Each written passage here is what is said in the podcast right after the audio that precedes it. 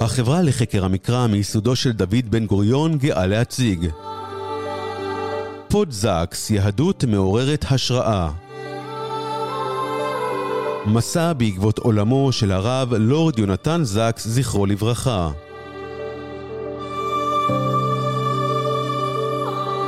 בהגשת הרב דוקטור עידו פכטר.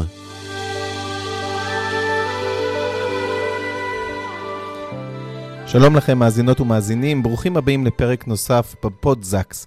והפעם אני שמח לארח לשיחה את פרופסור ג'ונת'ן ריינהולד, המכהן כראש המחלקה למדעי המדינה באוניברסיטת בר אילן, ומי שעתיד לעמוד בראש המכון על שם הרב לורד ג'ונת'ן סאקס באוניברסיטת בר אילן. שלום פרופסור ריינהולד. שלום. אז נולדת באנגליה, עלית לארץ לפני כ-25 שנים, ולאורך השנים, בין באנגליה ובין בארץ, היית בקשר עם הרב זקס. אני רוצה לפתוח איתך את השיחה בשאלה, אולי דווקא מהמקום האישי שלך, מה לפרופסור למדעי המדינה עם רב ראשי? Um, א', זה בגלל שהרב ג'ונתן סאקס היה המנהיג הדתי החשוב ביותר בכל אנגליה. לא ליהודים, לכלל הציבור. זאת אומרת, כשב-BBC בבוקר, בשמונה בבוקר, יש מה שנקרא thought for the day, מחשבה ליום. חמש דקות, הוא היה הכי פופולרי, הוא עשה המון המון פעמים, ואז כששמעתי אותו מדבר בסדרה ברדיו על איך שהדת ממשיך להשפיע והחשיבות שלה על הדמוקרטיה המודרנית, ושהוא משתמש לא רק במה שלמדתי בישיבת הקיבוץ הדתי, אלא גם מה שאני למדתי, שמות שלמדתי כמו דרקהיים, כמו אריסטו. כשאני שומע אותו משתמש בהם, אז אני רואה פה דמות מיוחד במינו, שמדבר לנושאים הכי הכי חשובים בפוליטיקה ובחברה, לא רק היהודית, כלל עולמי, ואז הוא בעצם עוזר לי לשלב בין שני העולמות שלי, ולא סתם, אלא בדרך שממש מחזק ומעשיר את ההבנה, וזה ייחודו. זאת אומרת שיש המון רבנים שהם היו או ממשיכים להיות חכמים, אבל אני לא יכול לחשוב על רב אחר, שמתוך המסורת היהודית הדתית מביא מסר שהיא ייחודית לעולם כולו על נושאים שהם הכי בוערים בחברות, ושהוא יכול לדבר למגוון מאוד מאוד רחב וכמות מאוד מאוד גדול של אנשים. אז למשל, הוא דיבר בדאבוס. הספרים שלו, כן, הופיעו חלקים מהם כל פעם ב-The Times, העיתון הידוע והיוקרתי ביותר. המלך צ'ארלס קרא לו אור לעם שלנו. ה-TED Talk שלו, שני מיליון אנשים באתר של TED שמעו אותו. רבע מיליון אנשים שמעו אותו בשיחה עם ריצ'רד דורקינס, שהוא אחד המדעים הכי מפורסמים, ויש לו עוד 20 יוטיוב uh, וידאו מעל 100 אלף. הוא היחיד שגם סגן הנשיא הרפובליקני מייק פנס וגם הנשיא הדמוקרטי ג'ו ביידן ציטט אותו. ושניהם לא יהודים, והוא היחיד שיכול לקשר ביניהם. פרשת השבוע שלו, רבע מיליון איש מקבלים. הוא דיבר בארצות הברית במה שנקרא The National Prayer Breakfast של האבנג'ליסטים. הוא דיבר עם האפיפיור, עם הדלאי למה, הספרים שלו מתורגמים לספרדית, צרפתית, גרמנית, רוסית, פרסית, איטלקית, הולנדית, צ'קית. אה, פורטוגזית, טורקית, קוריאנית, סינית ואפילו אנגלית אמריקנית. אפילו. נהדר. אז בוא, בוא ננסה עכשיו באמת לרדת אז אה, לתוכן של אה, עולמו של הרב זק. אתה מדבר על החיבור שהוא עושה בין אה, פילוסופיה, חברה, סוציולוגיה, תרבות, לבין הדת. איך באמת הדת היהודית מתכתבת עם העולם הפוליטי, עם מדעי המדינה במשנתו? ואולי גם ניקח את זה למקום אישי, איפה אתה בעבודה שלך, אם אתה מוצא את התרומה של היהדות והמסורת על העבודה שלך במדעי המדינה. במדעי מדינה אנחנו מדברים בעיקר על המדינה ועל מבנים שונים ועל אינטרסים ועל חוזה חברתי, ובמיוחד בעידן מודרני על האינדיבידואל. עכשיו, מה שהרב סאקס אומר, שיש את המדינה והפוליטיקה, שזה, איך זה עובד? אנשים עובדים על בסיס האינטרס שלהם. כדי לנצח בבחירות, אתה צריך להיות בראש של טווח קצר, כן? היה ראש ממשלה בריטי שאמר פעם, כן, שבוע זה זמן מאוד ארוך בפוליטיקה. וגם מבחינה כלכלית, השוק, אם אתה רוצה להרוויח, אתה צריך להתרכז ולמקסם את הכסף שאתה יכול לקבל לטווח קצר. הבעיה היא, עם שני הדברים הללו, שהם לא יכולים לטפל בנושאים לטווח ארוך, והם לא יכולים לטפל בנושאים שהם כל אחד עובד על פי האינטרס שלו, אנחנו לא נגיע לפתרון. אז אם אנחנו לוקחים את משבר האקלים, אם כל אחד פועל על בסיס האינטרס השר שלו, אז כולנו יפסיד. Mm-hmm. זה אומר שאין, הפוליטיקה הדמוקרטית לחוד והשוק הליברלי, הקפיטליסטי לחוד, לא יכולים לתת לנו פתרון. זה אומר שחסר משהו בכל השיח החברתי, הפוליטי והכלכלי שלנו, שאין לה בסיס של מושגים שיכולים לעזור לנו לטפל בדברים הללו. והתשובה היא, כדי לטפל בדברים הללו, צריך משהו אחר. צריך חברה אזרחית. חברה אזרחית וולונטרית, שבה אנשים באים ביחד על בסיס שהם מזדהים. ביחד, או בגלל איזשהו נרטיב משותף, סיפור משותף, שאנחנו שייכים, וערכים משותפים, ואז אנחנו לא פועלים על בסיס האינטרס, אנחנו פועלים על בסיס משהו אחר, מחויבות לאנשים אחרים, מחויבות לעקרונות מוסריים, וזה בונה אמון. ואם יש אמון בין אנשים, קל הרבה יותר לשתף פעולה, ואז אני פועל על בסיס זה שכולנו יודעים שאנחנו צריכים לרסן את עצמנו. לשלם מחיר לטווח קצר, כדי שכולנו יכולים להרוויח בעתיד. ומה שהרב סאקס אומר, שרעיון הברית היהודית התנ"כית היא בדיוק דבר כזה, וזה התפתח על ידי בעידן המודרני, מי שייסד את המחלקה שלנו בבר אילן, פרופסור דניאל אלעזר. שהרב זקס מזכיר אותו לא, לא אחת ולא שתיים. בדיוק. וזה הרעיון שלצידו של השוק והמדינה הדמוקרטית הליברלית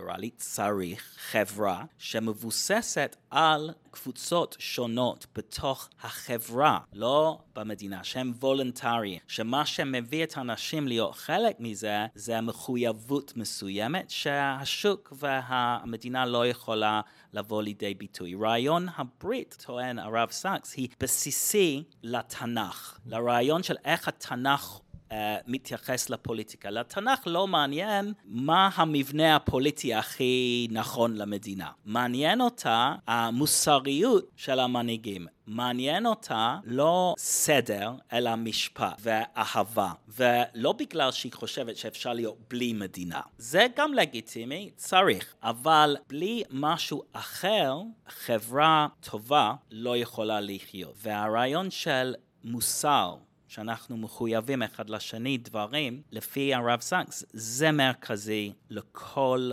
הסיפור הזה. הרב סאקס אה, רואה מודל שזה עובד? כלומר, הוא טוען שהיהדות בעצם מקדמת את זה. הדת היא זאתי שאמורה לכונן את הברית החברתית, ולכן היא אמורה להיות וולונטרית. אני רוצה לשאול אותך, האם באנגליה זה עובד בצורה כלשהי? אפשר לראות את זה קיים בחברה האנגלית? הרב סאקס חושב שבעולם שרוב האנשים הם לא דתיים, הם לא שייכים לקהילה דתית. אי אפשר להשתמש בדת כבסיס למערכת פוליטית כמו מדינה. היא רק יכולה לחיות בסקטור הוולונטרית החברתית. אבל מצד שני, כדי שאנחנו נהיה נאמנים למדינה ולהשתתפות מעבר לקהילות שלנו, כי אנחנו כולנו חיים היום בחברות שהן מאוד פלורליסטיות. אנחנו צריכים שיהיה איזשהו מחנה משותף, איזשהו נרטיב, איזשהו סיפור שכולנו מרגישים חלק ממנה. עכשיו, זה אומר שדת יכולה להיות חלק מהנרטיב, מהסיפור הלאומי. אז איך זה עובד באנגליה?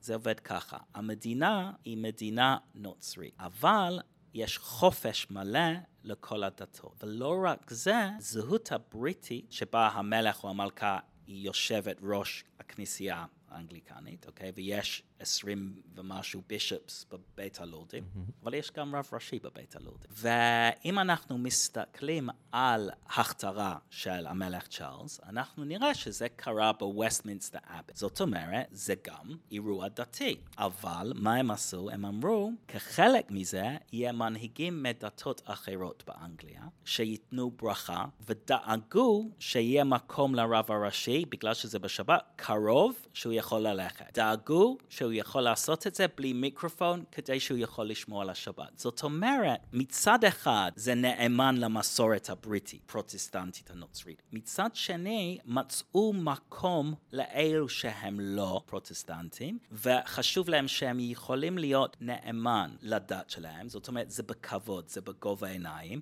ומנסים להראות שזה מחזק אותנו, זה מעשיר אותנו. כן, אני, אני אגיד לך למה אני אה, שאלתי אותך דווקא על אנגליה, כי, כי דיברנו קצת לפני על, אה, על הארמון ועל משפחת המלוכה, ומה החשיבות שלו בעצם היום, או מה המשמעות שלו, והזכרת ש, שהחשיבות של הארמון, אה, בכך שמנהלים המון קרנות צדקה, והם המון תמיכה אה, קהילתית. עכשיו, צדקה זה עניין שהוא וולונטרי, זה משהו שהוא אזרחי, ויכול להיות שדווקא בגלל שהארמון, יש לו יחסים עם המדינה הממוסדת, אבל בפועל הארמון באנגליה מממש איזו פונקציה שהיא יותר אה, של זהות, של השתייכות, זה משהו שגורם לאנשים להרגיש בדיוק את הפונקציות האלה שאתה מדבר, איזו השתייכות לאיזה כן. קולקטיב מסוים, שהוא באמת יותר וולונטרי יותר בכיוון הזה, ובאמת זה מה שהם עוסקים, לעומת הממשלה שהיא עוסקת, היא מסמלת יותר את, ה, את הכוח המדיני. בדיוק. זאת אומרת, כבר במאה ה-19 דיברו על כך שיש שני חלקים של החוקה הלא כתובה של אנגליה, וזה הפונקציונלי, שזה הפרלימנט והמדינה, ויש מה שאני, שקרא ה-dignified, שזה כבוד סמלי, וזה התפקיד של המלך או המלכה. לא להגיד כלום על פוליטיקה, כלום, וזה מאוד קשה, שאין לך דעה, מאוד מאוד קשה, ולאחד בין אנשים ולסמל את זה שאנחנו ביחד, ולסמל את הערכים שמאחד אותנו, ולהראות שכל מיני אנשים מכל מיני מסורות שונות, בכל זאת יש מין מכנה משותף בלעשות דברים טובים, ובזה אנחנו רואים שלמרות השוני בינינו בכל מיני דברים, יש לנו גם מכנה משותף בסיסי מוסרי, וזה מקושר למדינה שלנו. אז אנחנו יכולים להזדהות עם זה. קצת מזכיר את מוסד הנשיאות פה בארץ, שגם הוא עניינו יותר ממלכתי, לאחד, לא להתערב פוליטית, להיות משהו שמסמל את הביחד הישראלי הזה. ללא ספק, יש יתרון וחיסרון במודל הבריטי, וזה שזה לא פוליטי בכלל, כי לא, אי אפשר להצביע ולא בוחרים, אבל זה אומר שלפעמים המועמד לא יכול להיות הכי טוב. לא הכי מוצלח, כן. כן. אז אני, אז אני רוצה לקחת אותנו לסיפור הישראלי. כן. ציונות התחילה כ- כפרויקט פוליטי, הציונות המדינית, ההרצליאנית. אה, להקים מדינה, מוסדות וכדומה.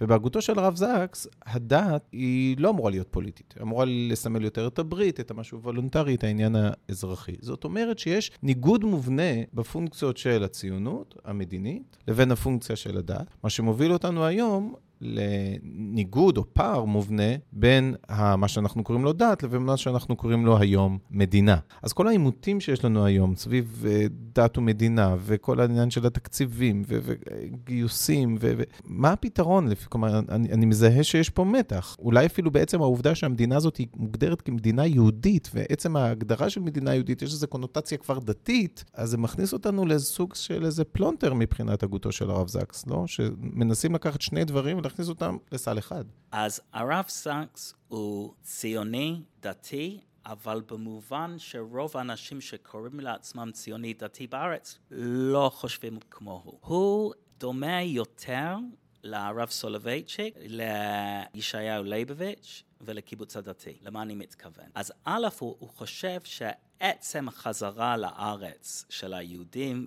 זה בוודאי משהו שההד שלה, של, של התנ"ך ושל ההיסטוריה, זה משהו שאומרים עליה הלל. דבר שני, היהודים צריכים בית, כי כל עם צריך בית, צריך להיות מקום שאם יש לך בעיה, הם צריכים לפתוח את הדלתות. ואחרי השואה, במיוחד, כבר לא יכול להיות ויכוח. זהו, מגיע לנו. אנחנו צריכים את זה, אבל זה במובן מה שהוא קורא uh, ברית גורל. זאת אומרת, אנחנו יהודים, אנחנו לא בוחרים להיות יהודים, אנחנו לא בוחרים שיש אנטישמיות בעולם, זה המצב. לכל העמים יש פוליטיקה ביניהם. פוליטיקה קשורה לאינטרסים, לביטחון ולשלטון החוק. אז היהודים צריכים בעידן שלנו, וכנראה לעוד הרבה זמן, מדינה. אבל אין משהו קדוש במדינה. המדינה היא חיובית מבחינה דתית כי היא מעגן על היהודים, נותן להם בית, וחלק מה, מהנבואות של התנ"ך. אז זה ברית גורל. אבל ברית ייעוד, כפי שהרב סולובייצ'יק אומר, זה קשור יותר לעתיד, וזה קשור לאיכות המדינה ואיכות החברה. ופה הרב סקס אומר, זה לא התפקיד של המדינה להכריח אנשים להיות דתי במובן פולחני. ההפך. התפקיד של הדת במובן מדיני זה כמו בסגנון של הנביאים, והביקורת של הנביאים על המלוכה. תהיה מוצדק, תהיה נדיב, תדאג לחלשים, תדאג לאלו שהם לא כמוך. זאת אומרת שהוא אוהב uh, לצטט ש-36 פעמים בתנ"ך כתוב לא... Uh, המצווה לאהוב את הגר. לא רק לא אוהב, לא, not to oppress, לא... אה, ללחוץ. כן, לא ללחוץ עליו, כי גרים היית בארץ מצרים. זאת אומרת, ופה העניין, הסיפור שלנו, איך אנחנו יכולים לה, להבין עקרונית שזה לא בסדר, אבל אם אני רוצה שאנשים באמת לא יפעלו ככה, אני צריך לקשר את זה אמוציונלית לזהות. כמו שאני אומר לך שמיליון אנשים מתים מרעב בעולם, אתה אומר, אוי ויי, חבל. אבל אם אני מספר לך סיפור שבן אדם או ילד אחת, הסיכוי שאתה תיתן את הכסף עולה, כי המוח שלנו מובנה לסיפורים ולמשהו אישי. אז זה בשביל הרב סקס התפקיד. והרעיון של הקיבוץ הדתי, שזה בעצם משהו, וולנ... קהילה וולונטרית, שמה אפשר לנהל את הדברים לפי הדת, כי זה וולונטרי. ושמה מה שמיוחד זה רק בארץ שאתה יכול לעשות דבר כזה. כי יש לך את השפה העברית, יש לך קונטקסט שאתה הרוב מבחינה תרבותית, ואז אתה יכול להיות יצירתי בתחומים חברתיים ופוליטיים וכלכליים, שבחברה הלא יהודית, שאתה מיעוט, אתה יכול להשפיע, יש לך קול, אבל אין לך יכולת ליצור באותו צורה. וזה בשבילו, נראה לי, הדבר שבא ייחודית לברית הייעוד של הציונות הדתית. ובכל הקשור למה שאנחנו בדרך כלל קוראים דת, כן? זה עניין של החברה וזה עניין וולונטרי. והמדינה עצמה צריך שיהיו לה סממנים דתיים? כל החוקי הסטטוס קוו וכדומה. זה, אני, אני שואל פרקטית, המדינה אמורה לתת קצבאות ללומדי תורה? המדינה אמורה לתת פטור לגיוס לתלמידי ישיבה? המדינה אמורה לשמור על מטבחים כשרים על פי ההלכה? מה עם שמירת שבת? כל ענייני הסטטוס קוו שאנחנו מכירים. אז אה, הרב סאקס לא נכנס למדיניות, לא, הוא לא רואה בזה התפקיד, אבל משהו, אז הוא לא יגיד מה באמת הפתרון. הוא מאוד פרגמטי, ולכן הוא שינה את דעתו בכל מיני דברים, כי זה, מה, מה שמעניין אותו זה הערכים הדתיים. עכשיו, מה שהוא כן יגיד בנוגע, שזה לא התפקיד של המדינה, וזה לא נכון לפי הדת, שהדת מממן באופן ישיר מוסדות דתיים. עכשיו, היא יכולה לעשות באופן חלקי, כמו באנגליה, אבל מבחינתו, כל מה שחזק, למה הדת מחזק דמוקרטיה? למה היא מביא לעולם יותר מוסרי? זה בגלל ש... כקהילה אנחנו לוקחים את היוזמה, אנחנו לוקחים את זה על עצמנו לבקר אנשים בבית חולים, לתת צדקה. אז אם אנחנו מקבלים את כל הכסף מהמדינה, אז בעצם אנחנו מפסידים את מה שאמור להיות המקום שאנחנו לומדים איך להיות אזרח ובן אדם טוב, ואיפה שאנחנו לומדים איך לשתף פעולה, שנותנת הבסיס לכל הפוליטיקה של האינטרסים והכלכלה שאנחנו תמיד מדברים עליה. אז הוא, מה שברור שהוא לא חושב ש... בוא נגיד ככה, הערבוב של התקציבים וכל זה, של דת במדינת ישראל, היא שלילית לדת, כי הדת צריכה להיות קידוש השם. ולהיות קידוש השם אתה לא יכול רק לדאוג לעצמך. זה בסדר, זה חלק מהעולם, זה חלק מהפוליטיקה, וזה בסדר גמור. אבל הדת צריכה להתרכז במשהו כללית יותר, מוסרית יותר. אז אם אני מבין נכון, אז בעצם זהותה של המדינה כמדינה יהודית בעיקרה, זה הגדרה פוליטית, כלומר שיש כאן רוב יהודי ושלטון עצמי יהודי. אבל מעבר לכך, ערכים, ייעוד, ברית וכדומה, אלו דברים שמגיעים מן החברה מלמטה, ובעצם ממוסדות הדת, שכאשר הם חופשיים ולא מזדהים עם המדינה, אז הם בעצם יכולים לפעול. כן, הדבר היחיד שאני מוסיף, אני, היית, אני אגיד את זה ככה. הכנסייה האנגליקנית, שהיא חלק מהמדינה, רצתה לנתק, והארצ'בישופ אוף קנטברי אמר שהוא בעד ניתוק, הפרדת דת ומדינה. מי שכנע אותו ואת הממשלה שזה לא רעיון טוב? הרב זקס. לא רק זה, יש תוכנית טלוויזיה שבועית באנגליה שקוראים לה Songs of Praise, שזה ש... שירים דתיים וה-BBC רצה להגיד כבר, אנחנו לא מקום דתי, אז לא מי שכנע אותם להמשיך? הרב זק. זאת אומרת שהוא יגיד אצלנו, המסורת שלנו חשובה בזהות של המדינה. אז לא נכון לנתק בין המסורת היהודית, הדתית והמדינה. זה חשוב כי זה מחבר אנשים. אבל, א', צריך להיות בהתאם לערכים של היהדות, שזה כל אחד ובשוני שלו, כל בן אדם הוא בצלם אלוהים. זה אומר שיש כל בן אדם ערך ואז זכויות שאי אפשר לקחת ממנו. אז ברגע שזה אוניברסלי, אבל ברגע שיש את הצד האוניברסלי, צריך גם שאנשים יכולים להתחבר עם הסיפור, כמו שאמרנו, אם אתה רוצה שאנשים ילכו לצבא ויהיו פעילים, אזרחים פעילים. אז זה אומר שאצלנו אנחנו 80% מהאוכלוסייה הם יהודים, והמסורת היהודית מאחד אותנו, אז היא צריכה להיות חלק מהסיפור הלאומי של המדינה, אבל אבל מקום לכולם. צריך גם שיהיה מקום ביהדות שמאפיין את המדינה, שהיא מוצא מקום לאלו שהם לא יהודים, בדיוק כמו בהכתרה של צ'ארל. Mm-hmm. זאת אומרת, אנחנו יכולים, א', לראות צדדים דומים בינינו, בין היהודים ללא יהודים. למשל, הדבר היחיד שכל אחד הסכים באחד מערכות הבחירות, שצריך להשקיע יותר בחינוך. יהודים, ערבים, דתיים, חילוניים. אז זה יכול להיות משהו שמאחד אותנו מסיבות שונות, מהרקע הדתי, כמו שהוא כתב בספר, לבנות את הבית ביחד. ובזה שאנחנו רואים שאכפת לנו, למרות השינויים, אנחנו בונים אמון בינינו. זה מה שנקרא במדעי המדינה הון חברתי המגשר. בין קבוצות. אז זה דבר אחד. דבר שני, שאנחנו יכולים ללמוד מאחרים. וזה מעשיר אותנו. אז הוא תמיד מביא את הדוגמה של השירה היהודית. היא לא, it didn't rhyme, אוקיי? Okay? עד שהגיעו המוסלמים, ואז המשוררים בעברית קראו בערבית, והבינו, אה, ah, אפשר ללמוד מהם, ואז להעשיר את השירה היהודית, ולהמשיך להיות יהודי. זה לא מתנגד. אז זה מסוג הדברים שאני חושב שהרב סאקס בדרכו יכול לעזור לנו לטפל פה. להיות נאמן למסורת היהודית. לשים דגש על החלקים של המסורת שפתוחים ונותנים מקום של כבוד לאלו שהם לא יהודים. זה ש...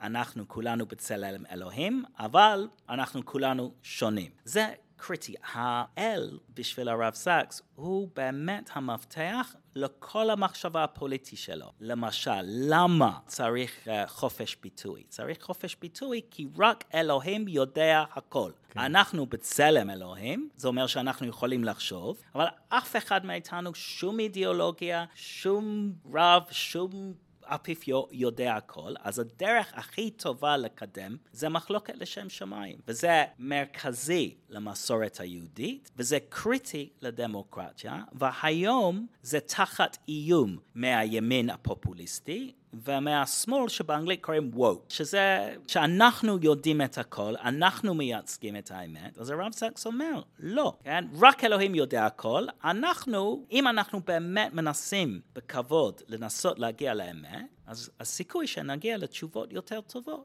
גבוה יותר.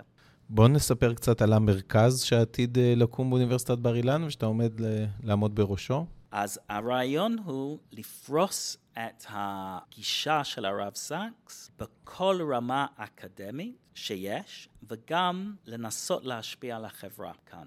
אז מבחינה אקדמית יהיו קורסים ויהיה מלגות uh, לתואר שני ול, ולדוקטורטים ויהיה סמינריונים בינלאומיים על נושאים כלליים שהם יהיו, היו חשוב לרב זקס, כמו מוסר, כמו דת, שיהיו בה אנשים מדיסציפלינות שונות לגמרי ממקומות אחרות. אבל מה שהכי אחוב עליי זה תואר ראשון בדמוקרטיה, במנהיגות ואזרחות, שיהיו 18 סטודנטים מאוד טובים, ארבע ערבים, ארבע חרדים ו-12 שאר הישראלים במרכז החברה. והם לא רק ילמדו ביחד, גם מדעי מדינה, קורסים מיוחדים כמו דת השוואתית או גישות של הרב זקס לכל מיני דברים, או נושאים שהוא התעניין בהם ונראה גישות שונות, אבל גם יהיו פעילות וולונטרית ביחד, גם יהיה שיח בין דתית, אה, ביקורים בכל מיני מקומות, וגם סטאז' או בארגונים אה, לא ממשלתיים או במשרדות ממשלה. Mm-hmm. ואולי הכי חשוב, אנחנו רוצים שיהיה קהילת בוגרים, שיהיה רשת שלא קיים בארץ, של אנשים מרקע שונים לגמרי, שיש להם אמון ביניהם. יש להם אמון ביניהם כי הם מכירים אחד את השני, ויש להם כמה ערכים משותפים, וזה יעזור, אני מקווה, למדינה לנהל את ההבדלים בינינו, אבל ברוח של ערכים משותפים. עם כל ההבדלים בינינו, לנהל את ההבדלים בדרכי שלום ובהבנה, וכל שנה יהיה פרס לאינטלקטואל שמדבר לציבור, כמו, כמו הרב זקס, לא רק אקדמאי, ושם זה יהיה הפעם בשנה שכל הבוגרים יכולים להיפגש עוד פעם עם כל אחד. ו, ובדרך זה אני מקווה שיכולים להשפיע לאורך טווח על איכות היהדות ואיכות הדמוקרטיה במדינת ישראל. עתיד להיפתח בשנת הלימודים הקרובה? לא, באוקטובר 24. אוקטובר 24, עוד שנה ו... שנה וחצי כמעט. קודם צריך לגייס קצת כסף. אולי אם הפודזקס הזה יעזור גם לזה, אז... אני אשמח. פרופסור ג'ונת'ן ריינהולד, ראש המחלקה למדעי המדינה מאוניברסיטת בר אילן, תודה רבה שהיית איתנו. תודה רבה לך. ועד כאן עוד פרק בסדרת הפודזקס, מסע בעקבות עולמו של הרב יונתן זקס. אני עידו פכטר, שמחתי להיות איתכם בפרק הזה, נשתמע בפרקים הבאים. האזנתם לפודקאסט פודזקס, מסע בעקבות עולמו של הרב לורד יונתן זקס, זכרו לברכה, בהגשת הרב דוקטור עידו פכטר. החברה לחקר המקרא מיסודו של דוד בן גוריון מבקשת את תשומת לבכם לתרומה להמשך פעילות העמותה. לפרטים היכנסו לאתר www.המקרא.org